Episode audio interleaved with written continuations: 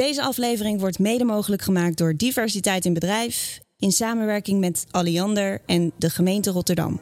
Het is soms heel confronterend dat hoe ik mezelf zie niet altijd overeenkomt met hoe anderen mij zien. In eerste instantie dacht ik eerst van ik wil gaan uitleggen van hé, hey, weet je wat dat met iemand kan doen, ja, wat dat met mij doet. Maar dan krijg je heel vaak toch ook wel van ja, maar je weet toch dat we jou niet bedoelen. Welkom bij de podcast Jezelf zijn werkt van Diversiteit in Bedrijf. De podcast waarin we wetenschappelijke inzichten over authenticiteit op de werkvloer verbinden aan persoonlijke verhalen. Ik interview inspirerende rolmodellen uit grote bedrijven en publieke organisaties. Mijn naam is Naomi Kok-Louise, communicatieadviseur bij Diversiteit in Bedrijf en presentatrice. En nu ook jullie podcasthost. Hoe zit het met jezelf zijn op de werkvloer als je een andere culturele achtergrond hebt? Vandaag vertellen twee rolmodellen met een migratieachtergrond over hun ervaring. Aan tafel zit Mounja Arkouche. Ze geeft als vrouw met een Marokkaanse achtergrond leiding aan een team uitvoerders bij Alliander. Ook is ze drijvende kracht achter het medewerkersnetwerk Nexus. En ze is actief betrokken geweest bij een opleidingstraject voor statushouders bij Alliander. En er is ook iemand die niet fysiek aanwezig is vandaag, maar op afstand, namelijk Sadaf Amadi. Ze kwam op haar zesde als vluchteling uit Afghanistan naar Nederland. Haar doorzettingsvermogen zorgde ervoor dat ze afstudeerde in internationaal en Europees recht. En ze is nu werkzaam bij de gemeente Rotterdam als projectleider bij Bureau Rotterdam Interim Management. Welkom allebei. Dankjewel. Ja, dankjewel. Fijn dat jullie er zijn. We gaan vandaag in op verschillende facetten die te maken hebben met authenticiteit op de werkvloer. En hoe we dat gaan doen aan de hand van fragmenten uit een interview met een wetenschapper. Ik heb namelijk professor Taris, hij is hoogleraar arbeids- en organisatiepsychologie aan de Universiteit Utrecht, geïnterviewd over authenticiteit op de werkvloer. En ik zal tijdens deze podcast fragmenten uit dat interview laten horen en aan de hand daarvan vragen naar jullie ervaring. Zijn jullie er klaar voor? Ja. Ja. We beginnen met de definitie van authenticiteit. Het is tijd voor het eerste fragment. Je hebt bepaalde ideeën, je hebt bepaalde normen, waarden, eh, bepaalde gedragen die bij jou passen. Als je die kunt laten zien op je werk of in een andere context, dan ben je authentiek bezig. Dat is best wel een vrij zelfgerichte manier van definiëren van, van authenticiteit. Het gaat om wat jij zelf doet. Dat is belangrijk, dat jij jezelf kunt laten zien in een bepaalde context. Dan ben je authentiek bezig. Ja, jullie zijn vandaag natuurlijk aanwezig als rolmodellen vanuit de, de bedrijven waar jullie voor werken. Maar ik ben wel benieuwd, wie zijn nou voor jullie rolmodellen? En dan wil ik beginnen met Moenja. Nou, ik werk bij Alliander. Alliander is op zich een, een heel groot bedrijf. Ik merk dat ik het best wel een lastige vraag vind. Maar als ik kijk naar wie voor mij echt wel een rolmodel is, is een van onze CEO's, ik denk Marlies eh, Visser. En de reden waarom ze voor mij een rolmodel is, is omdat ik het echt een hele sterke, krachtige vrouw vind. Die zegt wat ze denkt, maar ook dingen durft te benoemen die een ander lastig vindt. Ook op het gebied van diversiteit en inclusie. Toen had ik met haar een sollicitatiegesprek. En waarbij zij eigenlijk verder keek dan het stukje leiderschap. Dat ze zei van nee, ik zie wel dat jij een teamleider kunt zijn. Ze zei, maar ik vind het ook super tof dat je een migratieachtergrond hebt. Want dat is wat we nodig hebben binnen onze organisatie. En eerst dacht ik, wow, wat wordt er eigenlijk tegen me gezegd? Maar daarna dacht ik, jeetje, wat, wat tof eigenlijk. Dat ik gewoon in mijn alles word gezien. Dus dat is wel echt wel dat ik denk, weet je, dat vind ik wel, uh, ja, vind ik wel super sterk. En ook gewoon als vrouw, dat je als vrouw zijnde bij zo'n bedrijf kunt werken op zo'n hoge positie. Ja. Heb jij dat zelf ook, dat je soms dingen bespreekbaar durft te maken die schuren? Ja, ik denk wel dat ik daar ook wel om bekend sta. En met name als het gaat om, uh, nou, het thema is diversiteit en inclusie. Nou, dat ik dat soort dingen wel bespreekbaar maak, datgene wat ik zie. En ik heb daar ook wel in moeten leren. Ook zeg maar van welke rol pak ik dan? Met name in het begin denk ik dat ik daar best wel een soort van activistisch in was. Waardoor ik ook alweer, nou, mensen het ook wel lastig vonden om naar me te luisteren. En door daar wat handvaten in te krijgen, ben ik steeds meer mijn rol gaan pakken. En ik merk ook echt wel dat daar oor naar is. Dat, men, dat mijn collega's ook zeggen van jeetje, we willen ervan leren. En je, soms zien we de dingen niet. Of, of snappen we het niet, of kennen we het niet. Maar help ons daarbij om dat beter te begrijpen. Ja, dat is super mooi dat ze die instelling hebben. Ja, zeker. En Sadaf, wie is het rolmodel voor jou? Ik hou het iets uh, dichter bij huis. Ik uh, zie mijn moeder echt als een rolmodel. Ze is echt een onwijs sterke persoon en ik kijk ook echt heel erg naar haar op. En dat is eigenlijk iets wat heel vroeg is ontstaan bij mij. Ik was toen uh, negen, of tien jaar oud en waren net verhuisd vanuit het AZC en kregen een huis hier in Eindhoven. En um, het was voornamelijk een witte buurt. En in het begin werden we niet echt geaccepteerd. En dan heb ik het echt voornamelijk over een, een groep jongens die het voor ons heel moeilijk maakten, jarenlang, door uh, allerlei streken uit te halen. Op een dag waren ze weer bezig en toevallig was het suikerfeest. En mijn moeder had allerlei zoetigheden gemaakt. En uh, toen deed ze de deur open en ze gingen zich gelijk verstoppen achter de auto. En uh, mijn moeder riep ze en vroeg ze naar, uh, naar voren te komen. Ik zag ze al twijfelen, maar ze kwamen naar ons toe. En toen legde mijn moeder uit van... hey, het is suikerfeest. Het is een moment van viering voor ons. En ik zou het graag met jullie willen delen. En ik herinner me nog heel erg goed dat ik gewoon naast haar stond. En ik, ik dacht, waar is zij mee bezig? Hier heb je dan een groep jongens die het zo moeilijk voor ons hebben gemaakt. Waardoor we ons gewoon in ons eigen huis niet veilig voelden. En dan heeft ze zo'n moedige actie dat ze gewoon echt toenadering zoekt. En ik zag dezelfde verbazing ook eigenlijk eh, op het gezicht van de jongens. Maar ja, geloof het of niet, vanaf die dag hield het gewoon op. Dus ik vind het zo onwijs sterk van haar. En het is gewoon echt een wijze les. Vroeg geleerd. Wauw, dat is echt een heel mooi verhaal. Op welke manier heb je dat zelf meegenomen in wie je bent? Ja, dat is, is, iets wat ik eigenlijk probeer dagelijks toe te passen. Ook op mijn werk. Ik probeer gewoon echt toenadering te zoeken tot mijn collega's, verbindingen te leggen. En vooral ook eigenlijk om ruimte te creëren, zodat zij ook hun verhaal kunnen doen. Dus op zo'n manier doe ik het gewoon eigenlijk op werk ook toepassen. Dus altijd die toenadering zoeken. Ja. En is dat ook wel eens heel erg lastig? Dat je denkt van, ja, dit gaat me eigenlijk te ver? Ik vind het eigenlijk best wel een uitdaging om ook echt juist mensen te spreken met verschillende perspectieven en ideeën.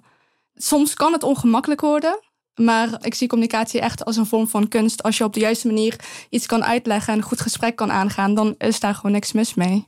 Kun je daar een voorbeeld van noemen? Een voorbeeld is bijvoorbeeld toen ik net was begonnen met werken. Ik ging zo af en toe met collega's een gesprek over eh, thema's zoals diversiteit.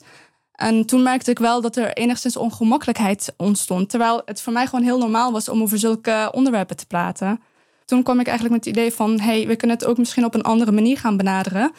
Er zijn zoveel collega's bij ons. We weten er vrij weinig van. Om een verbinding te leggen met die collega's kunnen we ook bijvoorbeeld zo'n open podium gaan organiseren. Om een beetje uitleg te geven. Zo'n open podium moet je dan denken aan een platform waar allerlei collega's bepaalde talenten laten zien. En dat is echt uh, heel erg uiteenlopend. Dat kan een verhaal delen door middel van een uh, Bollywood-dans of een hoofddoekworkshop. In combinatie met verhaal over grootouders en slavernij. Het kan rappen zijn, het kan pottenbak zijn, dus echt van alles. Maar het is dan echt zo'n dag, een kleurrijke dag, een dynamische dag. Maar we het dan op zo'n manier echt iets zichtbaars gewoon echt tastbaars. En er zijn ook collega's naar ons toegekomen achteraf van... ze waren gewoon echt ontroerd van... hey, zo heb ik eigenlijk mijn collega's nooit gezien. Ik wist niet dat er zulke mooie, unieke verhalen rondliepen gewoon in onze uh, gemeente. Dan vlieg je het op een andere manier aan. Ja, puur door interesse te wekken, nieuwsgierigheid. Heel mooi. En Moenja, heb jij wel eens gehad dat je dan dacht van... oké, nou ja, deze manier van communiceren werkt dus niet. Laat ik het op een andere manier proberen. Ja, ik heb wel eens gewoon dat er, nou, dat er bijvoorbeeld een grapje wordt gemaakt. Met wat mij betreft een racistische ondertoon. En dat ik in eerste instantie dacht van oké, eh, vanuit mijn rol, hoe ga ik dit nou aanpakken? Was dat grapje naar jou toe gericht of naar iemand nee, anders? Niet eens per se naar één iemand, maar dat was dan bijvoorbeeld in een groep en dan werd er een grapje gemaakt. Dan in eerste instantie dacht ik, jeetje, vanuit mijn rol moet ik daar iets van gaan vinden. Daar wordt ook van me verwacht. En in eerste instantie dacht ik eerst van ik wil gaan uitleggen van hé, hey, weet je, wat, doet, wat dat met iemand kan doen ja, wat dat met mij doet. Maar dan krijg je heel vaak toch ook wel van ja, maar je weet toch dat we jou niet bedoelen? Dat ik denk, ja, maar je bedoelt mij wel. Ja. Nou, en dan vanuit mijn rol probeer ik toch weer terug te grijpen op, hey, we werken bij een bedrijf en met kaders. En wij hebben iets wat we noemen de Allianne gedragscode. En daar staat ook heel duidelijk in van, nou, dit zijn gewoon, op deze manier spreken we met elkaar. En daar heb je je aan te houden. Dus dat is dan ook alweer iets waar je op terug kunt vallen. En dat ik ook wel geleerd heb van, oké, wanneer maak je het toch weer zakelijk? Omdat het ook wel nou, soms voor mij een moeilijk gevecht is of zo. Ergens is het ook wel gewoon persoonlijk. En dat je dan denkt, hoe blijf ik in mijn rol? Hoe, ja, wanneer laat ik het persoonlijk worden en wanneer niet? Dus ja, dat is af en toe best wel moeilijk. Van oké, welke rol neem ik aan? Ja. En hoe, hoe maak je die afweging dan voor jezelf? Op het moment dat je kunt verbinden, doordat je merkt dat iemand toch denkt: oh ja, was niet handig, of daar zich een beetje bewust van wordt, dan kun je daarop doorpakken. Maar op het moment dat, dat, ja, dat je terugkrijgt, maar we bedoelen, ik bedoel jou niet, dan denk ik, ja, dan zie je eigenlijk het grotere geheel niet. Dat ik Moenja ben maar dat ik zoveel meer ben dan alleen wat je ziet op het werk, zeg maar. Dus dan is het eigenlijk voor mij gewoon ja, op dat moment gewoon die communicatie, wat je voelt. Dat je denkt van hé, hey, hoe is de chemie op dat moment? En sta je ervoor open, ja of nee? Dus dat is echt afhankelijk van de persoon waar je Ja. tegen praat. Het is echt op dat moment een beetje choose your battles. Wat ga je, wat ga je doen? Hè? Ga ik mezelf erin verliezen? Of weet je, is het dan heel makkelijk om dan terug te vallen op de kaders die er zijn? Ja. Ja. We gaan door naar het volgende fragment. Je wilt je geld verdienen, je moet toch je conformeren aan bepaalde grenzen. En dan is authenticiteit zoiets als van binnen die bepaalde grenzen toch proberen zoveel mogelijk jezelf kwijt te kunnen, jezelf kunnen zijn. Ja, vind het wel heel mooi, want je noemde net inderdaad die kaders. Heb je wel eens het gevoel gehad dat je op het werk over een grens heen bent gegaan? Ik denk dat ik re- redelijk binnen de lijntjes kleur als het gaat om wat er van me verwacht wordt binnen een organisatie. Wel als het gaat om het, als ik het wel zie gebeuren, maar dan niet, weet je, dat ik daar wel altijd op, op aanga of zo. Dat ik dan wel vind, hey, ik, ik wil daar wat mee of van zeggen. Maar binnen de kaders denk ik van de organisatie niet. Maar ja, vind ik lastig, merk ik. Als je kijkt naar de norm, zeg maar, wat, wat gebruikelijk is, dat je bijvoorbeeld iets hebt aangekaart waar mensen nog niet ready voor waren of zo. Nou, als ik kijk waar we nu heel erg mee bezig zijn, ook met name als het gaat om Nexus, hè, dat we het hebben over equality of equity, dat we daar heel erg mee bezig zijn. hè. Dus dat we altijd zeggen van ja, maar iedereen moet een gelijke behandeling krijgen. Dus ook vanuit mijn rol. En dat ik nu wel probeer te challengen van ja, weet je, maar niet iedereen. Ik vind persoonlijk dat de hokjes bij geboorte al ongelijk worden verdeeld. Hè, gebaseerd op je achtergrond, op je kleur. En daardoor probeer ik wel te kijken van wie heb ik voor me en wat heeft iemand nodig? Hè? Want het is ongelijk. Dus je moet eerst zorgen dat het gelijk wordt om vanuit daar als vertrekpunt de gelijkheid te kunnen hanteren. Dus ik merk wel dat ik daar continu mee bezig ben. Ook dat gesprek probeer ik op gang te brengen van nou jongens, ja, soms is gelijk behandelen niet voldoende. Ja, En dat merk je wel dat dat zeg maar dat sommigen dat ook wel lastig vinden van ja, maar moet ik iemand dan anders gaan behandelen? Ja, soms wel. Tenminste, zoals, zoals ik daar naar kijk, want soms heeft iemand gewoon meer nodig. Dus dat is best wel af en toe schuur hoor. Dat je denkt van ja, hoe leg je dat goed uit? Hè? En is dat iets wat, wat, ik, wat ik heel erg voel, maar herkent iemand dat dan ook? ja. Sadaf, hoe ervaar jij dat? Nee, dat is eh, mooi uitgelegd, Moenja. Dat eh, uitleggen, dat is vooral een ding. Bij mij is het eigenlijk meer bepaalde opmerkingen die ik bijvoorbeeld krijg. En om een voorbeeld te noemen, een van de opmerkingen is als iemand zegt, wat spreek je goed Nederlands? En ik had een keertje tijdens zo'n themadag, had ik juist dit bespreekbaar gemaakt. En ik merkte wel gelijk bij een collega dat die een defensieve houding ging aannemen. En aangaf van, ja, maar ik, als ik het zou zeggen, dan bedoel ik het gewoon puur als compliment. En toen kwam ze als voorbeeld van ja, en als ik in Frankrijk ben en eh, ik spreek daar wat Frans. En als de Fransen zeggen van hé, hey, wat spreek je goed Frans, dan word ik daar blij om. En toen gaf, legde ik aan haar uit van ja, maar jij bent een toerist. Ik woon hier, dus het is net anders. Ik ben hier opgegroeid, ik voel me hier thuis. Dus het is soms heel confronterend dat hoe ik mezelf zie niet altijd overeenkomt met hoe anderen mij zien. Soms alleen maar puur gebaseerd op uiterlijke kenmerken. Dus ja, zulke gesprekken merk je echt wel verschillen. En dan merk je ook dat een heel ongemakkelijke situatie kan ontstaan bij de andere persoon, omdat die dan denkt van ja, ik bedoel het eigenlijk niet zo. En ik snap het ook wel, het zijn uit goede bedoelingen, maar het gaat erom van hoe het eigenlijk bij de ander overkomt. Hoe reageerde zij daarop toen je dat uitlegde? Ze ging erover nadenken. Ze had gewoon zo'n gezicht van oké, apart, zo heb ik het niet bekeken. Toch een lichtpuntje. Hoe vertel? Maar het is wel herkenbaar. Ja? Ja, bij mij hoor je, nou ja, van horen zeggen geen accent. Dus bij mij is het vaak, als ze me dan alleen maar spreken, dat ze blijkbaar een beeld creëren. En als ze me dan zien, dat ze dan denken, oh wacht even, het matcht nog niet helemaal. En dan krijg je inderdaad ook een soort van als, als compliment van, oh, eh, wat kun je goed Nederlands? Of ik heb zelfs een keer dat iemand zei van, oh, ik had eigenlijk een witte vrouw eh, verwacht met blond haar. Dat ik dacht, oh, ik denk dat je het als compliment bedoelt, maar ik zou het echt nooit meer zeggen. Krijg je soms ook als vraag waar je vandaan komt? Is dat ook iets wat je vaak te horen krijgt, Moenja? Ja, alleen bij mij, nou, ik heb dan Marokkaanse roots, maar dat schijn je niet goed aan mij te kunnen zien. Dus ik kom eigenlijk uit alle landen behalve Marokko. Ja, ja. Dus ze kunnen mij nooit goed plaatsen. Dus dat is ook wel heel interessant. En wat ik ook wel merk is juist omdat ze het niet goed kunnen plaatsen en het ook niet goed kunnen horen, is dat ze het ook weer vergeten. Dus dan zit je soms op een plek en dan gaat het in één keer ergens anders over.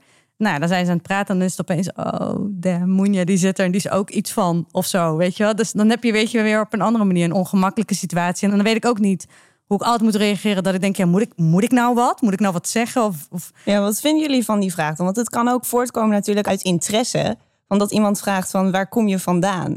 Wat vind jij ervan, Sadaf? Ik ben het eigenlijk uh, helemaal met je eens. Het is ook eigenlijk hoe je het vraagt als iemand dat aan mij vraagt van hé, hey, waar kom je vandaan? Als ik antwoord Eindhoven, dan zegt ze nee, waar kom je oorspronkelijk vandaan? En dan zeg ik Afghanistan. Maar het kan ook omgekeerd, dat ik dan antwoord van uh, Afghanistan. En dan lachen ze me uit van nee, ik bedoel welke stad? Ja, ja, ja. Dus dat is echt heel erg verwarrend. En ja, zo'n zo'n uh, collega slash vriendin van mij had het eigenlijk uh, had een heel mooie oplossing hiervoor. Ze zei ik van in plaats van zo'n vraag te stellen van hé, hey, waar kom je vandaan? Kun je misschien ook gewoon de vraag stellen, wat is is jouw verhaal?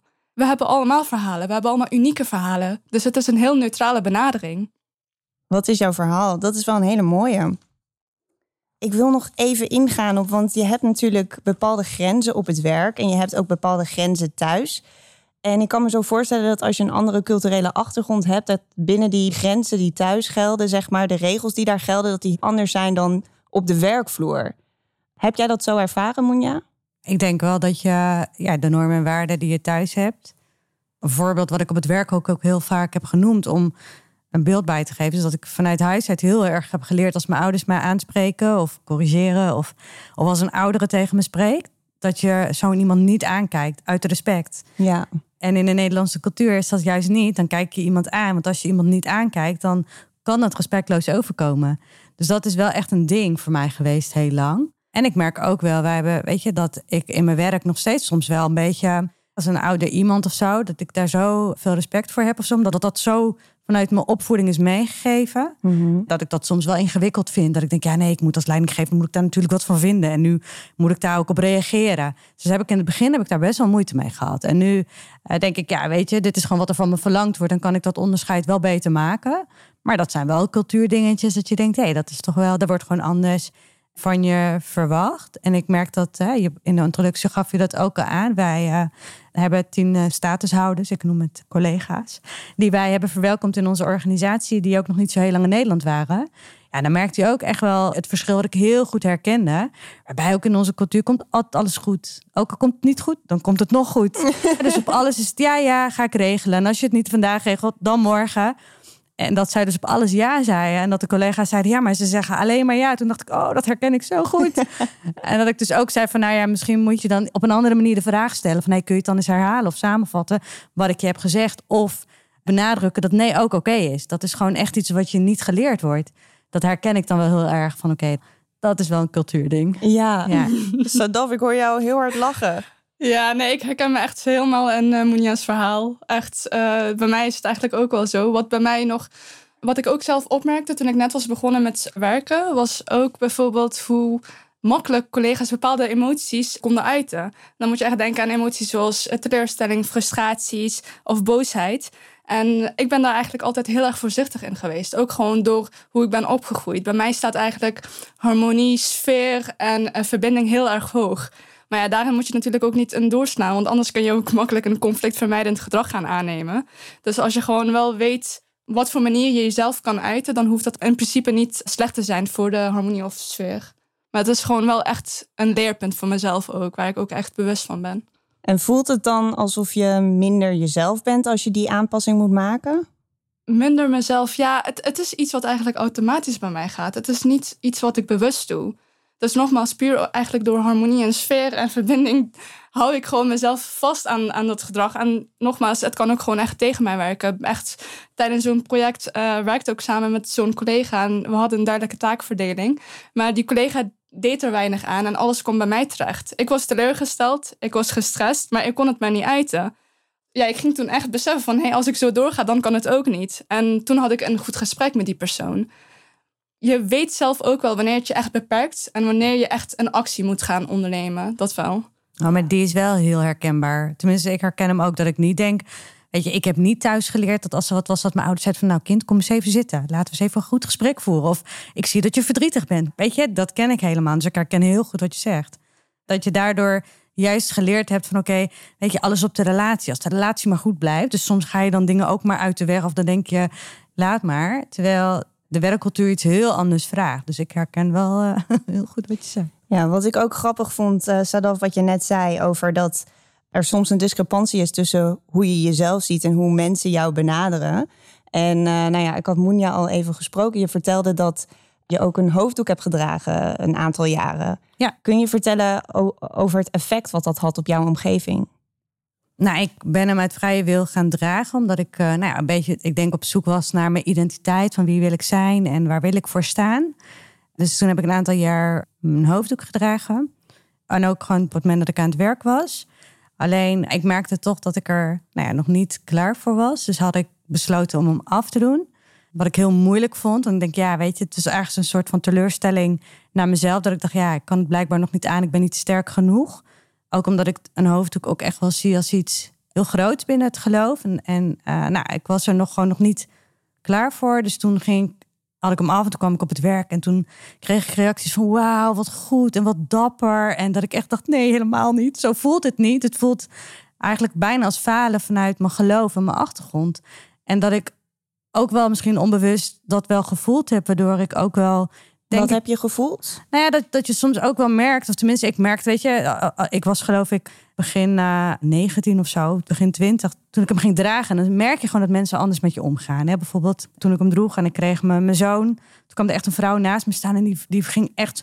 Hoe oud is uw baby? Dat ik dacht, gebeurt er? En dus ik reageerde met, oh ja, mijn vrij is drie maanden. Of zo. toen zei ze, jeetje, wat kunt u goed Nederlands? En hoe lang woont u al hier? Toen zei ik, ja, ik ben hier geboren. En toen zag ik dat ze zoiets had van, oh wacht, ik heb de verkeerde vragen gesteld. Of dat je in de bus stapt en dat je denkt, hé, hey, normaal is die hartstikke vriendelijk. En nu is het, uh, kijken ze hier bewijzen van nog niet aan. Dus ik werd daar best wel onzeker van, merkte ik. Mhm. Waardoor de onzekerheid die ik zelf al had, want ik had, was zelf ook gewoon van mezelf onzeker. Dus je merkt gewoon in alle opzichten of zo dat je toch het gevoel hebt, ik word anders behandeld. En doordat je hem dus afzet en dan in één keer mensen reageren met wauw, wat goed en wat dapper. Denk je, oh, zie je nou, je vond er ook echt wel wat van. Ja. Ondanks dat ik het echt zelf wilde dragen, heerste toch nog een soort van stigma of zo. Dat, dat vrouwen met hoofddoek, dat dat het ergste onderdrukking is of dat het moet. Daar schrik je dan wel van. Dat je denkt, hé, dit zijn gewoon wel mijn collega's. Die dat dan vinden en denken blijkbaar. Ja. En dat vind ik wel moeilijk. Ik denk, nu ben ik een stukje ouder en ben ik ook wel veel meer zelfverzekerd. En als ik hem nu op zou zetten, zou ik eerder zou ik denken, nou prima. Maar ik, kies er op dit moment zelf nog niet voor. Maar ik, het is wel lastig, weet je. Het is wel moeilijk, want het, het voelt alsof je het eigenlijk... dat je altijd moet kiezen of zo. Ja. Waardoor je dus inderdaad de vraag kunt stellen: mag ik dan wel volledig mezelf zijn? En je zei, uh, je kiest er nog niet voor. Gaat er een moment zijn in de toekomst dat je daar klaar voor bent, denk je? Nou, ik hoop het. Weet je, ergens hoop ik dat je wakker wordt met het gevoel van ja, ik ben er echt ready voor. Ergens denk ik ook wel, voor mij is het geloof meer dan alleen een hoofddoek. En is het gedrag en is het communicatie en is het veel meer dan dat. Maar ik kan naar vrouwen met hoofddoek vol bewondering kijken. Weet je, dat ik denk, wauw, dus, maar ik voel hem nog niet zo daar dat ik, dat, uh, dat ik die stap voor mezelf kan nemen. Maar ik hoop er wel te komen. En heeft dat ook te maken met de reacties die je dan van mensen krijgt? Nou, weet je, we hebben het al eerder over gehad. Ik ben er wel daarna toch nog, een beetje, dan ga je er toch over nadenken. En dan denk ik, ja, ik denk ergens... En dat zou dan eigenlijk geen excuus mogen zijn, maar dat je denkt, ja, weet je, ik wil nog carrière maken en ik wil nog zoveel. Ja. Dat je toch in je achterhoofd wel meeneemt van, ja, weet je, ja, als ik in één keer bij, inderdaad, kijk, ik werk met mannen als ik daar in één keer aankom met een hoofddoek, weet je, ja, ik heb geen idee hoe ze gaan reageren. Mhm. Dus het zit toch wel ergens, neem je dat denk ik toch wel onbewust mee.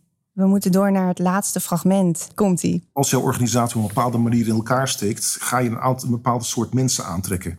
Die mensen werken daar in principe. Die zijn dus geïnteresseerd in jouw soort organisatiecultuur. De manier waarop je met die mensen met elkaar omgaat, dat vinden zij interessant. Dus daar zijn zij authentiek mee, zou, zou je kunnen zeggen dan kan je best actief gaan zoeken naar manieren om jouw personeelsbestand diverser te maken, andere soorten mensen binnen te brengen, mensen met andere ideeën. En je zou die mensen kunnen stimuleren zichzelf te zijn. Maar dan krijg je wel een, een probleem, want die passen dus niet bij datgene wat er al is. Ja, hierbij gaat het eigenlijk om die diversiteit toelaten binnen het team.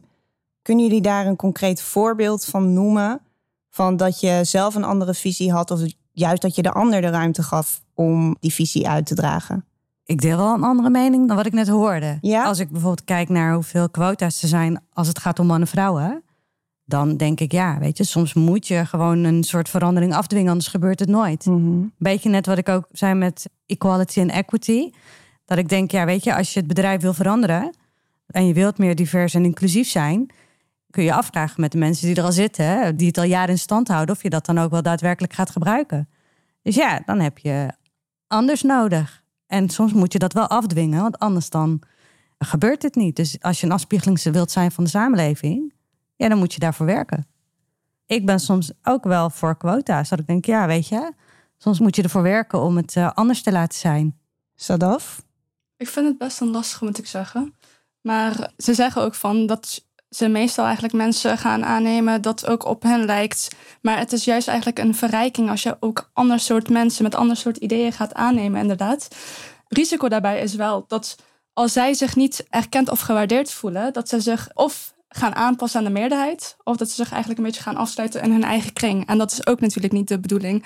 Dus het gaat er juist om eigenlijk dat je dat ook echt promote. Dat awareness ook gaat creëren van hé, hey, het gaat erom juist. Dat we allerlei soorten mensen gaan aantrekken met allerlei soorten ideeën. Maar dat moet dus ook echt goed en duidelijk uitgesproken worden. Ja, en dan zijn we eigenlijk uh, aangekomen bij het einde van de podcast. Waarin ik jullie nog een tips wil vragen. Sadaf, ik wil jou eigenlijk vragen om een tip aan collega's. Wat kunnen zij doen om ervoor te zorgen dat medewerkers met een andere culturele achtergrond zichzelf kunnen zijn op de werkvloer? Ga niet een beeld nastreven van wat jij denkt dat de omgeving belangrijk vindt. Ik denk niet dat je daar echt heel gelukkig van gaat worden. Durf gewoon vooral jezelf te zijn. Doe dingen waar je echt achter staat. Het is een natuurlijk behoefte van ons om ook gewoon gezien en gewaardeerd te worden zoals we zijn. Maar daarvoor hoef je dus niet volledig jezelf aan te passen om ergens mee te kunnen draaien. Ja, dus dat is meer een tip aan medewerkers met een culturele achtergrond. Van dat zij gewoon zichzelf moeten zijn en durven zijn. Ja, dat is gewoon een verrijking eigenlijk voor, uh, voor de organisatie. En heb jij dan nog een tip aan de collega's en aan de, nou ja, de zittende norm, om het maar even zo te zeggen? Ja, get comfortable with the uncomfortable, zou ik zeggen, weet je? Ja. En openheid ook. Ja, ga op zoek, ga vragen en uh, stel je open en leer en wil leren. Ik denk dat dat het vooral is, weet je. Sta open en benoem. Het mag ook, zeg maar, schuren. Op het moment dat je het niet weet of niet snapt... of je denkt, hé, hey, ik ken dat niet. Dat is ook prima, als je maar met elkaar open staat. Die ongemakkelijke gesprekken mogen gewoon ontstaan. En naarmate je vaker over spreekt, naarmate het normaler wordt voor je. Dus ga het vooral aan. Ga zo'n gesprek met elkaar aan. Dit vind ik wel een uh, hele goede manier om de podcast uh, af te sluiten. Ik wil jullie hartelijk danken. En ik denk dat alleen maar door het luisteren naar deze podcast... dat mensen alweer uh, tot nieuwe inzichten kunnen komen. Dus uh, dank. Yes, Dankjewel. bedankt. Bedankt voor het luisteren naar de podcast Jezelf zijn werkt. Vond je het een goede aflevering? Vergeet dan niet de podcast te volgen in je favoriete podcast-app. Deze podcast is gemaakt voor Diversity Day. Dat is de dag waarop bedrijven in Nederland de kracht van diversiteit vieren. Ook meedoen op 6 oktober? Ga dan naar diversityday.nl.